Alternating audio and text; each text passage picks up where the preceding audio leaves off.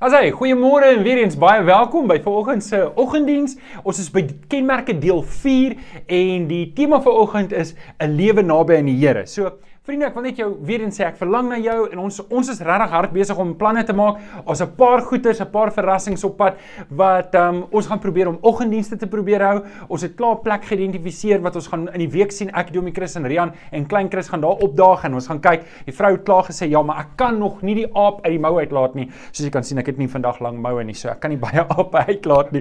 So, um, vriende, ek wil net herinner, die Bybelstudie boekie kan jy aflaai by www biblestudies.co.za en um, jy kan hom daar gaan aflaai of jy kan hom by die kantoor doen. Hierdie is ons reeks wat ons in die selgroepe, al ons selgroepe doen dit saam. So dis lekker vir my om te weet ons doen dit saam. Ek weet van 'n selgroep vir oggend, Tiffany is vir oggend hier saam met die gebedsgroep en toe skiet sy want sy gaan saam met haar selgroep gaan hulle um kyk hulle saam die preek. Dis my wonderlik en ek wil jou aanmoedig. Dalk moet julle een keer 'n maand kyk of julle julle selgroep bymekaar kan kry en um mekaar so kan bedien. Eet julle sommer na die tyd. Daar's 'n gedagte vir julle.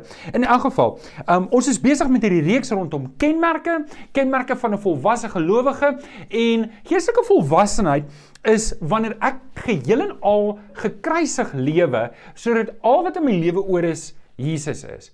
Met ander woorde geestelike volwassenheid is wanneer ek wanneer daar so min in my lewe oor is dat wanneer mense met my te doen het, dat al met wie hulle te doen het is Jesus. Ek is uit die pad uit en die Here kan deur my werk. Nou, in die laaste paar weke het ons gekyk na wedergeboorte, ons gekyk na 'n lewende getuie, ons gekyk na liefde vir die woord en al die boodskappe is op YouTube. As jy dit gemis het, so jy kan dit net weer daar gaan kyk. En vir oggend kom ons by kenmerk nommer 4 wat sê Um ek en jy moet naby die Here leef. Dis een van die kenmerke van 'n volwasse gelowige is hy 'n intieme verhouding met die Here. Kom ons kom ons vra net die Here om sy woord te seën in ons harte. Vader, Baie dankie. Dankie dat ons die woord kan oopmaak en Here, waar ons ver oggend weer gaan kyk na 'n kosbare gedeelte in die woord. Iets wat ons nie eintlik baie lees nie, 'n gedeelte wat ons baie keer net oorslaan. Wil ek kom vra Here dat U deur die Gees die woord oop sal breek in ons harte, Vader, dat ons regtig sal verstaan waarop dit neerkom en waar dit gaan. Ek dank U Here vir U teenwoordigheid hier en in die mense se huise, Here, daar waar hulle is, of hulle lewendig ingeskakel is en of hulle later inskakel. Here, dis wonderlik om te dink, Here, U Gees is is transcendent. Dit gaan oor oorkoepel alles en en ek dank U Here dat U teenwoordig is. Ons bring die lof en die eer aan U Here. Amen. Amen. Vriende, ek het 'n begeerte. Ek het regtig hierdie begeerte om as die Here vir my die guns gee in jou lewe in te saai en om jou uit te daag om 'n lewende verhouding met die Here te hê, om 'n intieme verhouding met ons God te hê. En ek wil jou regtig help. As dit is as dit wat ek kan regkry in hierdie bediening by Tygerberg Gesinskerk, dan is dit om jou te help om nog 'n tree nader te gee en net meer van die Here Jesus in jou lewe te beleef, dat die kruisdood van die Here Jesus vir jou so werklikheid is dat wanneer jy in die oggend opstaan dat jy weet jy of jy eet en of jy drink en of jy loop en of jy ry jy's in die teenwoordigheid van die Here en dat jy bewus sal wees dat die Here omvou jou.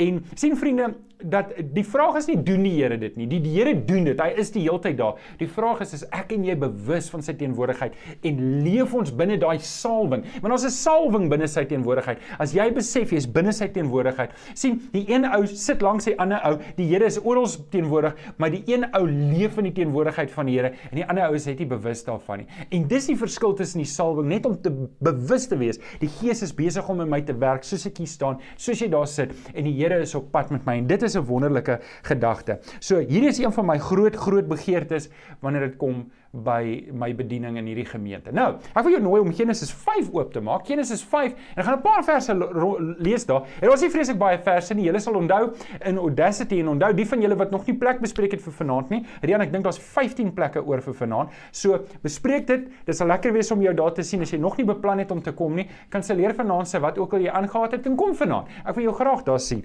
So, dit sal lekker wees om jou daar te sien. So Genesis 5 is soos Jabes in die middel van 'n um van 'n van 'n geslags register dit vertel. So Moses skryf Genesis waar 'n kronieke wat ons van gepraat het met Jabes se gebed is deur Esdra geskryf en hier kan ons weer eens 'n geslagsregister en dis hierdie is die pa van hierdie, hierdie is die pa van hierdie en begin in vers 1. Hier volg die geslagsregister van Adam. En dan spring ons 'n paar verse verder na vers 21 en dis by wie ek wil kom.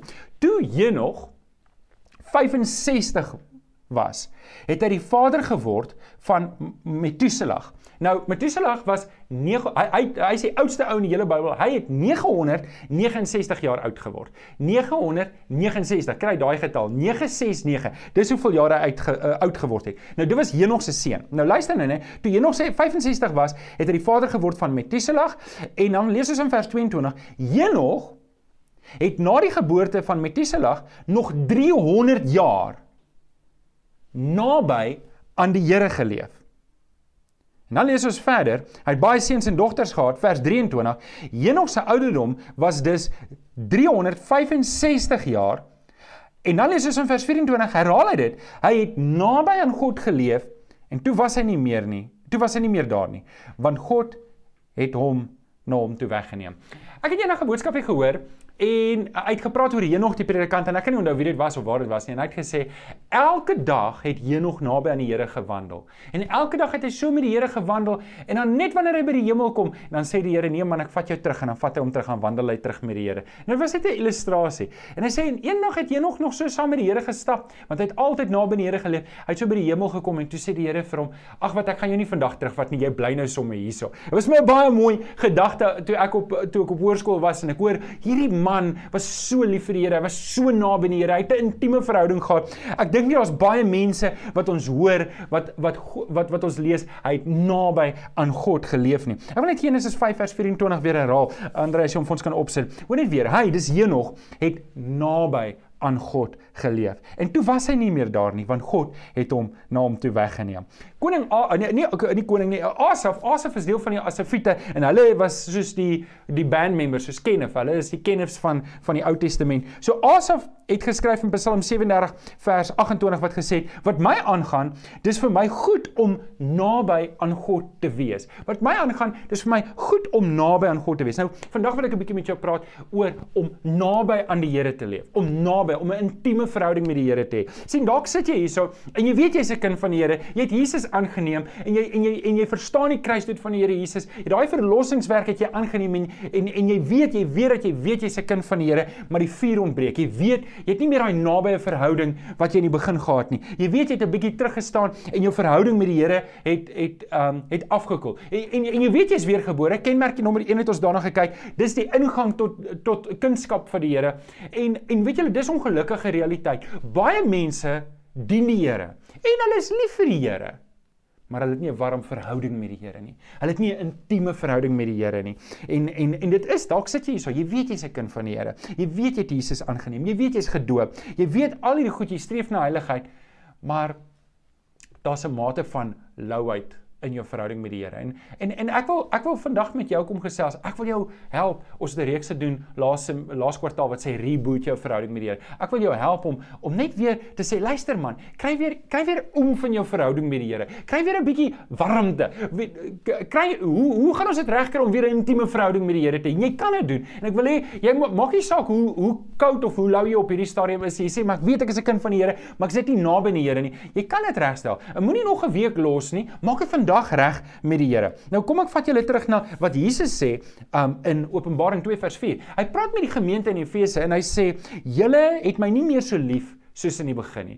En en dalk is dit waarop jou lewe dat net soos die gemeente in Efese, het jy die Here net nie meer so lief soos in die begin nie. Jy is nog steeds lief vir hom, maar jy het hom net nie meer so lief soos in die begin nie. En vanoggend wil ek 'n bietjie met jou praat oor hoe om dit reg te stel. sien baie mense se verhouding met die Here is is soos 'n is soos 'n flou teesakkie, is soos 'n ou teesakkie. Jy die ou, ou teesakkie as jy hom vat en jy druk hom nog in jou water, dan gee hy nog die kleur af, maar die geur is weg. En dit kan wees dat jou verhouding met die Here het nog die kleur van om 'n Christen te wees, maar die geur is weg. Dis dood, dis dis flou. En vanoggend wil ek vir jou uitdaag om 'n regstelling te maak, om die vuur weer terug te kry in jou verhouding met die Here, om om om weer 'n warm verhouding en 'n intieme verhouding met die Here te hê. En ek wil vir jou vier basiese aksiestappe gee hoe jy daai vuur kan terugkry in jou verhouding met die Here. Here. So, as jy nog nie 'n raamwerk of 'n pen of papier het nie, wil ek vra trek dit nader want jy gaan moet notas maak en ek het 'n paar verse wat ek met jou wil deel wat ek dink kan jou aanmoedig.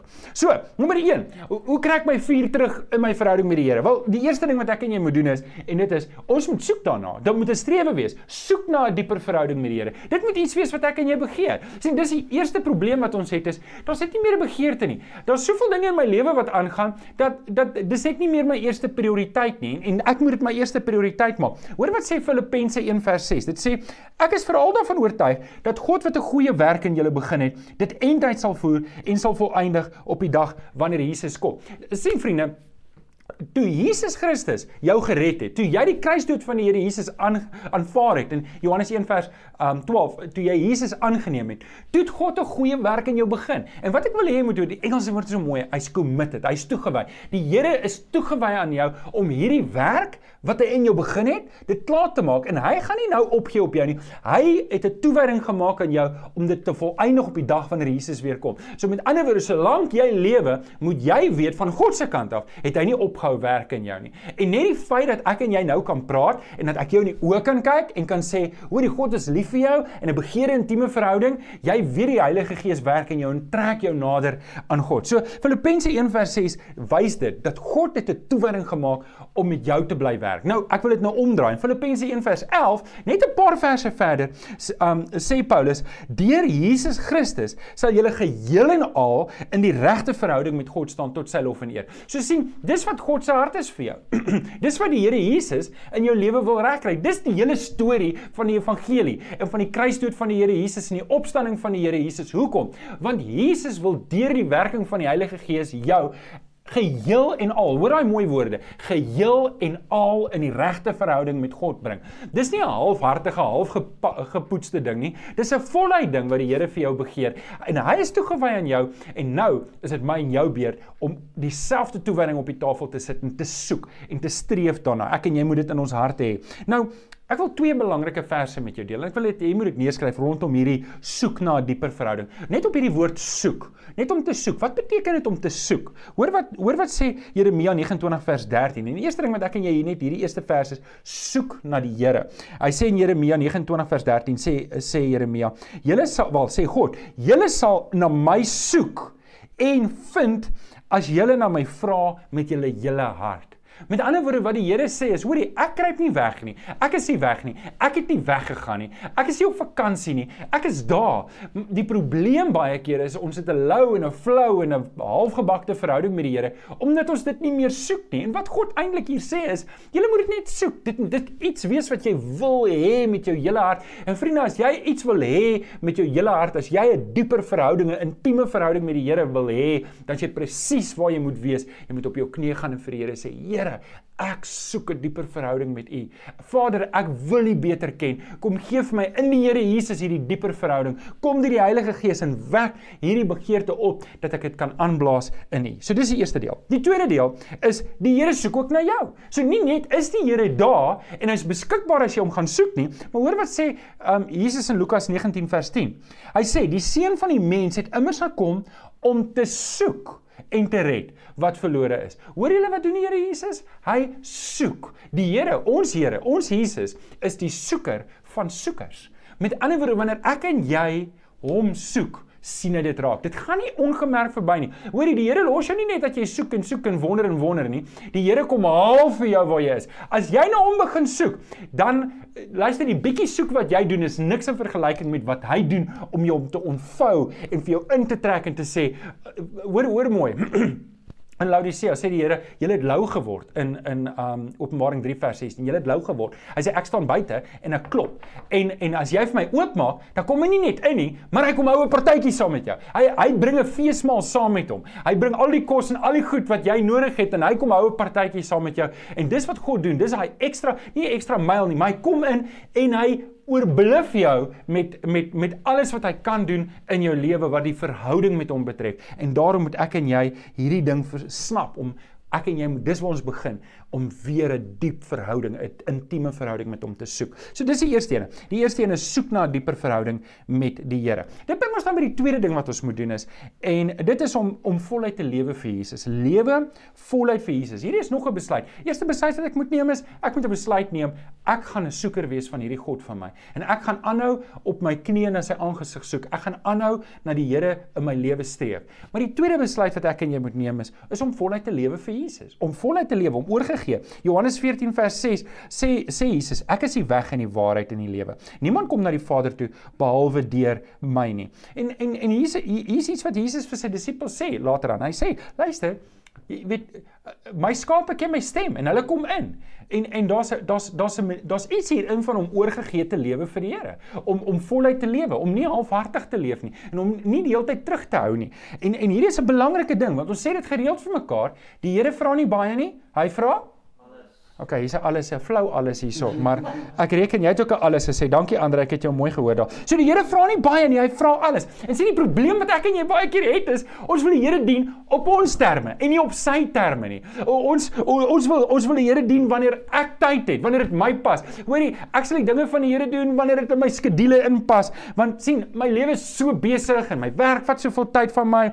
Weet die Here moet maar wag. En weet jy wat hoor ek baie mense sê en en ek, ek Beswoor jou voor die Here, jy mag dit nie sê nie. Jy mag dit nie sê nie.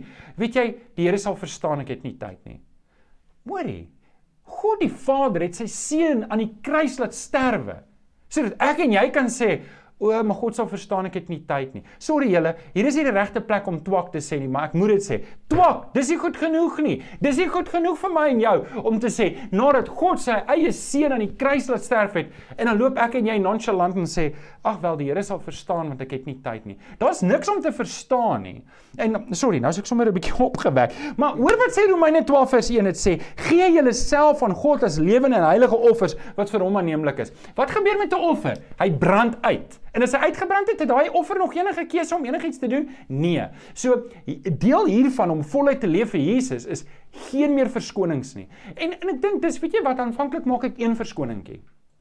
Ek sit my verskoning op die tafel en ek sê ag maar die Here sal verstaan. Ek sit nog 'n verskoning op die tafel en sê ag maar die Here sal dan sit ek nog 'n verskoning. En voordat ek myself kyk, het ek 'n muur tussen my en God gebou en verstaan ek nie hoekom het ek so lou, flou, makou teesakkie geloof wat niks beteken nie. Dis omdat ek baie keer my lewe so vol maak met met goed wat geen ewigheidswaarde het nie. Wat goed wat ek myself verbeel is belangrik, maar eintlik in terme van die ewigheid. Hoor jy, as dit wat jy mee besig is vir 'n oor 'n 1000 jaar nie meer gaan tel nie, dan moet jy jouself vra is dit regtig 'n prioriteit. Okay, dis nie so eenvoudig soos dit nie, ek weet. Maar maar sê vir jouself, waar moet ek my meeste tyd sit? Aan die goed wat koninkrykswaarde het of in goed wat nie? En en ek weet jy werk en die Here seën jou werk, maar ek en jy mag nie verskonings maak vir hoekom ons nie voluit vir die Here leef nie. Ek en jy moet dit insit. Ons moet voluit gaan. Jesus het nie Jesus het nie Jesus het ons nie ingepas in sy program nie. Hy het die hemel agtergelaat en aan die kruis kom sterf om ons te kom red. Jesus het nie gesê ag, ek gaan maar kyk of daar tyd is om om om Johan te kom red of om Rian te red nie. Ja, nee, dis nie wat die Here gedoen het nie. Die Here Jesus het alles laat staan en aarde toe gekom en daai 33 jaar het hy alles gegee vir my en vir jou. Ons mag nie verskonings maak nie. Neem 'n besluit om nie verskonings te maak nie. Oom Flip vertel vir my hierdie mooi storie laasweek. Hy sê hy was in 'n gemeente in Kempton Park. Ek het hom nie toestemming gevra om die storie te vra nie. So vertel nie so oom Flip byvoorbeeld jammer. Um so hy hy was hy hy, hy in die gemeente was daar 'n bestuurder van 'n maatskappy. Hy was 'n goeie bestuurder gewees en hulle bied hom toe 'n pos aan om om om die hoofbestuurder te wees by 'n pos by 'n by 'n uh uh uh tak in in 'n ander deel van die land. En hy sê goed, man, is weet dis weet julle weet mos nou, dis die corporate ladder. Jy klim nou bo, jy koöperatiewe leer, jy gaan nou bo uitkom. En hierdie is een van daai groot spronge wat jy gee. En die van julle wat al so groot sprong gehad het, jy weet, sal weet waarvan ek nou praat. En hy gaan toe soontoe en hy gaan werk vir 'n maand daar en hy gaan kyk die ding uit en hy kan nie tye verkeerd hê. Maar daar's so een een ding wat hom plaas. Hy kry nie 'n plek waar hy die Here kan aanbid nie. Hy kry nie 'n kerk waar hy kan inskakel waar hy die Here kan aanbid nie. En hy kom terug en hy sê vir sy hy sê vir sy baas, hoorie, sorry, ek kan nie daai werk vat nie. En sê maar wat? Jy dis dis die volgende tree. Dis die tree waarvoor jy gevra het. En nou bly jy. Wat is jou storie? Hoekom wil jy nie gaan nie? Hy sê want vir my om die gehalte bestuurder te wees wat ek is vir julle, het ek nodig om ingeskakel te wees in 'n gemeente waar ek Jesus kan dien. En ek het nie so iets daar nie. So my gehalte gaan val. Ek gaan nie die bestuurder daar wees wat ek hier is nie, want ek het nie 'n plek waar ek die Here kan aanbid nie. Ek het nie 'n plek waar ek kan inskakel en gelowig is wat my uitdaag om voluit vir die Here te leef nie. En ek het nogal gedink, dit is 'n fenominale storie van iemand wat sê ek stel my God eerste in absoluut alles. Oom Flip sê vir my die uiteinde van hierdie storie is, daai man het toe uiteindelik die CEO van die maatskappy geword omdat hy gestaan het op sy waardes. En en almal het net eenvoudig gesê ons soek 'n man wat vas staan op waardes. En hy het die hy het die hy het die hy het die bestuurende direkteur geword. So, wat ek eintlik vir julle probeer sê is, Jesus moenie inpas in ons lewe nie. Ons moet inpas by Jesus. As ietsie by Jesus pas nie, dan is dit baie maklik Dan is dit nie kyk of ek plek in my dagboek het nie, dan is dit sorry, dit gaan nie werk nie. So dis dis dis die volgende ding wat ek en jy moet besef en wat ons 'n gehalte besluit moet neem is om voluit te lewe vir Jesus. Dit bring ons dit bring ons by die derde derde belangrike punt hierso wat 'n besluit wat ons moet neem en dit is om geesdriftig te lewe vir die Here, om om om geesdriftig te bly oor jou verhouding met die Here. In Romeine 12 vers 11 en hierdie is een van my gunsteling verse wat sê moenie in julle toewyding verslap nie, bly altyd geesdriftig in die Here. Nou ek het dit al vir julle gesê, maar daai woord geesdrift As dieselfde woord wat jy in Griek sou sê dat water kook, water kook. Nou so, dis nie water wat warm is nie, dis water wat kook. Dit maak fisies borreltjies. Dit is besig om oor te kook. Jy kan dit nie los nie. En en dis wat Paulus sê is, dis hoe ek en jy moet wees in ons verhouding met die Here. Dit moet oorkook, dit moet oorborrel. En ek en jy moet daai ek en jy moet met daai toewyding leef en ek en jy moet dit aanblaas. En ek gaan nou, ek hoop ek hoop jy is reg en jy maak notas en jy die rekordknoppie in jou kop gedruk want ek gaan nou 'n baie baie belangrike ding sê wat min mense verstaan, maar as jy dit snap, kan dit vir jou help, uh, kan dit vir jou baie help in die toekoms. So, ek het 'n boek gelees van John Maxwell wat praat oor leierskap en ek probeer mos maar nou altyd boeke lees oor oor leierskap. En hy het 'n ding gesê en toe dit sê, toe tel ek dit op en ek besef wat hy sê is waar. Hy sê, luister, volgers, hoor nou mooi, volgers, jy kry leiers en volgers. Volgers is termometers. Leiers is termostate. Volgers kan die temperatuur meet. Leiers bepaal die temperatuur. Verstaan julle die verskil? Hy gaan verder. Hy sê volgers wag vir motivering om te reageer. Leiers reageer en motiveer ander. Nou, luister, jy's dalk nie 'n leier nie. En dis nie waar ek nou praat nie. Praat nie nou oor leierskap nie. Maar wat hy ook sê is die een persoon wat jy moet lei in jou lewe is raai wie? Jouself. Jy moet jouself lei. Jy's verantwoordelik. Jy staan verantwoordelik voor die Here. So jy moet jouself lei. En en wat ek hier wil haal wat John Maxwell sê, want ek dink hy's 100% reg. Dat as ek myself lei, dan moet ek vir my paar en ek wil hierdie drie stellings maak en ek hoop jy jy kan dit snap. Moenie wag vir die lus en motivering om op jou te val om voluit vir Jesus te leef nie. Begin om net voluit vir Jesus te leef. Die lus en die motivering gaan self kom. Moenie wag vir die lus en die motivering om jou Bybel oop te maak om dit te bestudeer nie. As jy gaan wag vir lus en motivering, glo vir my, jou lewe is vol genoeg en die duiwel sal seker maak daar's nog goed in jou lewe wat maak dat jy nie daarby uitkom nie. Kom in die woord van die Here en die lus en die motivering sal kom. Moenie wag vir die lus en motivering om in gebed by die Here tyd te spandeer nie. Dit gaan nie gebeur nie. Begin bid en die lus en die motivering gaan van self kom. Wees 'n termometer in jou verhouding met die Here en nie 'n wees jammer jammer jammer. Wees 'n termostaat in jou verhouding met die Here en nie 'n termometer nie. Wees jy saam met die Here en sê hier is waar dit moet wees. Ek moet met toewyding, ek moet met passie, ek moet met entoesiasme lewe vir die Here. Dis waar dit moet wees. En ek gaan dit doen of ek lus voel en gemotiveerd voel of nie. Dit is irrelevant want ek is nie 'n termometer nie. Ek is 'n termostaat. Die Here het klaar die gees in my gegee. Ek het klaar al die toerusting en my emosie en my gevoel en my motivering moet op die agterste plek gaan sit. Ek gaan toelaat dat die Heilige Gees my die leiding gee en ek gaan doen wat ek weet ek moet doen al is daar geen lus, geen motivering en geen want dit sal volg. OK, so ek hoop dit maak sin. So, blaas die vuur aan in jou lewe. Blaas hy koeltjie aan. Moet dit nie los nie. Dit bring ons by die vierde en die laaste punt vir vanoggend. Bewys en hierdie is dalk die moeilikste een van almal. Bewys jou liefde vir vir Jesus deur om alle mense lief te hê. In 1 Tessalonisense 3 vers 12 lees ons: Mag die Here julle liefde vir mekaar en vir alle mense laat groei en oorvloedig maak net soos ons liefde vir julle. Nou vriende, ek was baie bewus toe ek hierdie preek voorberei het dat hierdie punt Jy die eerste 3 en dit alles fokus op jou verhouding met die Here. En nou voel hierdie en hy staan so half en half uit. Dit as jy mooi gaan kyk na die punte en jy dit neergeskryf, dan gaan jy agterkom, hierdie een pas nie in nie. Weet jy soos 'n gedig en en daar's daar's 'n vers wat ingeskryf is wat net nie pas nie. En jy sal sien hierdie hierdie hierdie vierde punt, hy pas net nie in nie. Hy hy lees nie lekker nie. Hy's nie hy's nie lekker in ritme nie. Maar dit maak nie saak nie, want dit is die waarheid. sien, die een belangrike ding van 'n verhouding met die Here is om die Here se passie te deel. As jy jy kan net goeie vriende wees met iemand as jy die passie deel. As jy dieselfde passie het. Dink aan ek weet nie wat jou dink 'n bietjie aan jou vriende. Jou vriende is mense met wie jy dieselfde passie deel. En net so is dit van kardinaal belang, kardinale belang dat jy en die Here dieselfde passie moet hê. En as ek vir jou vra wat is die Here se passie? Vra kom ek vra vir jou. Dink gou 'n bietjie, wat is Jesus se passie? Weet jy ooit wat Jesus se passie is? Ek weet jy weet. Ek weet jy sê dit dadelik. Want jy weet, hy het aan die kruis kom sterf. Hy het aarde gekom. Hoekom het hy dit gedoen? Want hy wou vir my en jou gered het. Wou hy net vir my en jou gered het?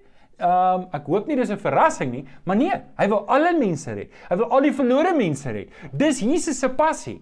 Nou, as ek en jy nie dieselfde passie het nie, tada, dis hoekom ons sukkel om 'n diep en intieme verhouding met die Here te hê. Jy weet, jy het almal daai vriende wat waar die passie nie lekker ooreenstem nie. Jy het een gemeenskaplike passie, maar dan het hy 'n ander passie. In die oomblik as hy daaroor begin praat, dan tjoep, disconnect jy. Weet dis amper soos ek en Rian. Wanneer Rian oor rekenaarparte begin praat, dan dan sit ek my beste mooi gesiggie op. Ja, ja, ja, en dan sal hy vir my sê, "Ja, luister nie meer nie." As ek net, "Ja, ja."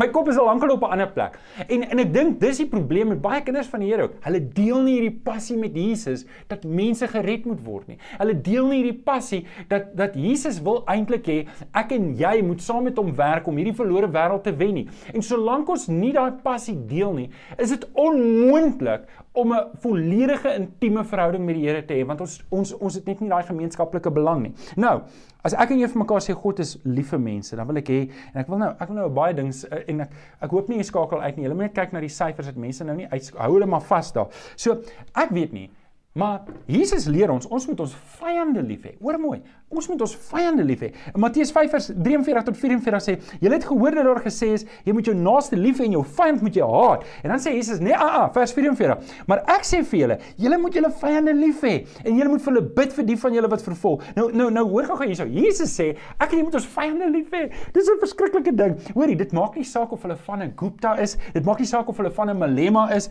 of Magashule is of Trump is of Biden is of jy kan jou vanne insit net wat jy wil. Dit maak nie saak wat hulle name of vanne is nie. Jesus wil hê jy moet lief wees vir hulle. OK, kyk nou, nou gaan die getalle val. nee, ek spot sommer. En ek weet jy weet dit. Ek weet jy weet dit. Nee, jy vind dit moeilik.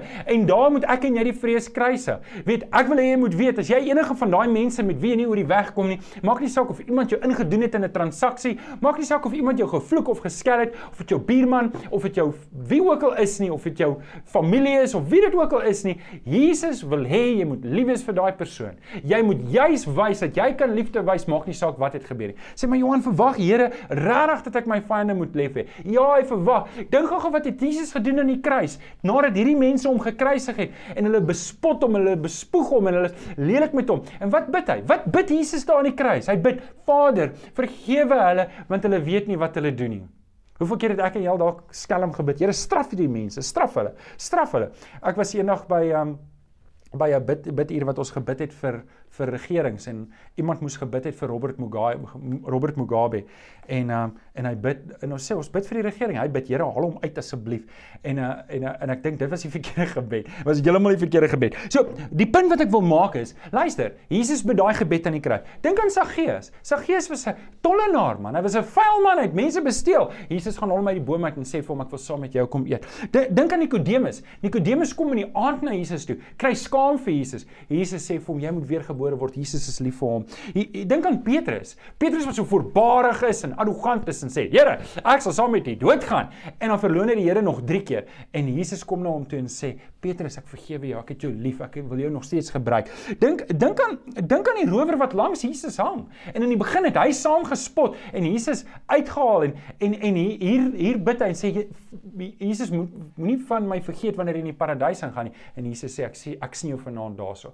Dink net 'n bietjie. Dink net 'n bietjie aan alles wat Johan Delport verkeerd gedoen het en en Jesus het hom gered. Dink net aan Rian Leroux en Chris van Skalkwyk en Andre en Andrew en en en en, en Domie Chris Henes. Dink net aan alles wat hulle verkeerd gedoen het en die Here het ons nooit beskou as 'n vyand nie, het ons nog steeds liefgehad. Jesus het ons nog steeds kom red. En wat ek vir jou probeer sê is, is ek en jy die hande van die voete van Jesus. En ek en jy moet hierdie een passie met Jesus deel. Anders sal ons nie 'n intieme verhouding met die Vader kan hê nie. Ons moet hierdie hartklop met Jesus deel dat ons moet sê, dit gaan nie meer oor my nie. Luister, ek se kruise. Ek is dood op die altaar al lankal. Jy kan enigiets aan my doen en gaan niks aan my doen nie. Ek's dood. Luister, jy kan net sowel jy kan by 'n graf gaan. Gaan staan op 'n begrafplaas en dan gaan staan jy op 'n graf en dan beledig jy daai dooie ou. Gaan beledig, gaan sê vir hom enigiets, gaan sê vir hom jy's 'n hoender, jy's 'n pampoen. Jy's ek weet nie wat se beledigings kan jy uitdink nie. En kyk of dit hom pla. En net soos dit met my lewens, ek beloof jou, jy kan enige ding teen my sê. Jy kan my kom beledig, jy kan my kom beswaarder. Ek gee nie om wat jy van my sê nie. Ek is dood. Jesus leef in my en ek gaan mense lief hê. Maak nie saak wat nie. Ek daag jou uit. As jy As jy 'n intieme verhouding met die Here wil hê, dan moet jy nou 'n besluit neem om te sê, Vader, vergewe my dat ek baie keer goed terughou en en en dat ek mense nie wil lief hê nie en dat ek die reg toebehou om mense lief te hê of nie te hê nie. Ek is dood, ek het nie sulke regte nie. Here, help my om mense lief te hê want ek weet dis die enigste manier hoe U Jesus vir mense kan wys. As jy mense nie liefhet nie en as ek mense nie liefhet nie en ouens ek en jy moet regtig en jy moet my help en ek gaan jou help. Ek kan nie praat teen Mag Magashule of teen Malema of teen Trump nie. Ek mag nie. Hoe hoekom? Wat se goed doen dit? Ek moet Jesus uitwys. Ek moet Jesus uitwys. En dis my en jou roeping. En ek dink dis hoekom baie mense sukkel om 'n intieme verhouding met die Vader te hê. Dis want hulle hart klop klop nie dieselfde as hulle se nie. Ek en jy moet net kyk. Al wat my en jou in die oog moet wees is Jesus Christus en hom nie gekruisig nie. Ek en jy moet die kruis sien. En elke keer wanneer ons iemand sien, moet ons sien dis wat Jesus gedoen het vir daai persoon. Hoe gaan ek die katalisator wees om daai twee bymekaar te kry? My enigste mandaat is my enigste opdrag en ek daag jou uit. Kry daai hartklop, kry daai hartklop vir mense dat Jesus werklik mense wil red en hy wil dit deur my en deur jou doen. Hy wil dit deur my en deur jou doen. Ek sluit af. Ek sluit af. Genesis 5 vers 24. Hy Henog het naby aan God geleef. My gebed is sodat jy dat jy ook saam met my begeerte het om te sê Here, ek wil naby aan U leef soos Henog. Ek wil 'n intieme verhouding met U hê. Here kom help vir my. Kom help my om U te soek. Kom help my om na U vir U te lewe, om met entoesiasme te lewe. Help my om voluit vir U te lewe. Help my om dieselfde hartklop te hê as wat Jesus het. Nou ek het vandag eintlik maar gesels met met gelowiges. En maar dalk sit jy en jy kyk en jy's nie 'n gelowige en jy het nog nie Jesus aangeneem nie. Wil ek jou nou vra? Daar's niemand, daar's niemand op hierdie hele aarde wat jou so liefhet soos Jesus Christus nie. Hy het vir jou aan die kruis gesterf. En en die realiteit is, dis omdat ek en jy sondaars is, dis omdat ek en jy verlore is. In Romeine 3 vers 23 sê almal het gesondig en dit maak dit ons ontbreek aan die heerlikheid van die Here. En die Here wil jou red, hy wil jou vandag red. Moenie uitstel nie. Gryp hom aan gryp hom aan. Johannes 1 vers 12 sê dit aan almal wat hom aangeneem het. As jy jou rug draai op jou sondige lewe en jy sê Here, ek is klaar met daai lewe, kom red my. Hy gaan daai gebed eer en hy sal jou red. En dan moet jy inskakel by 'n gemeente. Kom gee jouself oor vir oggend vir die Here. Dalk is jy lou. Dalk dalk is jy soos daai flou teesakkie wat jy sê in die water is, die klere is nog steeds daar, maar die geur is weg. Wil ek vra dat jy ook vir oggend 'n gebed sal doen en sal sê Here, kom gee my weer daardie eerste liefde. Kom gee my weer daardie eerste liefde dat ek U sal ken en dat ek U sal dien. Kom ons bid saam.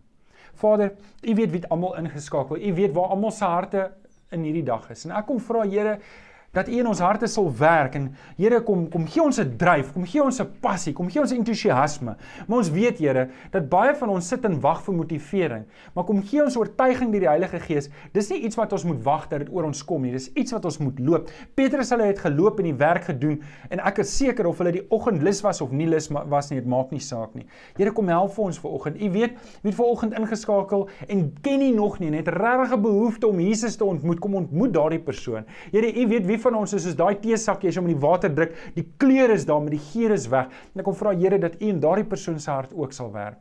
Here kom help ons dat ons hartklop dieselfde hartklop sal wees as Jesus se. Ons bid dit in Jesus naam. Dankie Vader. Amen. Amen. Amen. Kom ons kom ons aanbid die Here saam met Kenneth en Karen.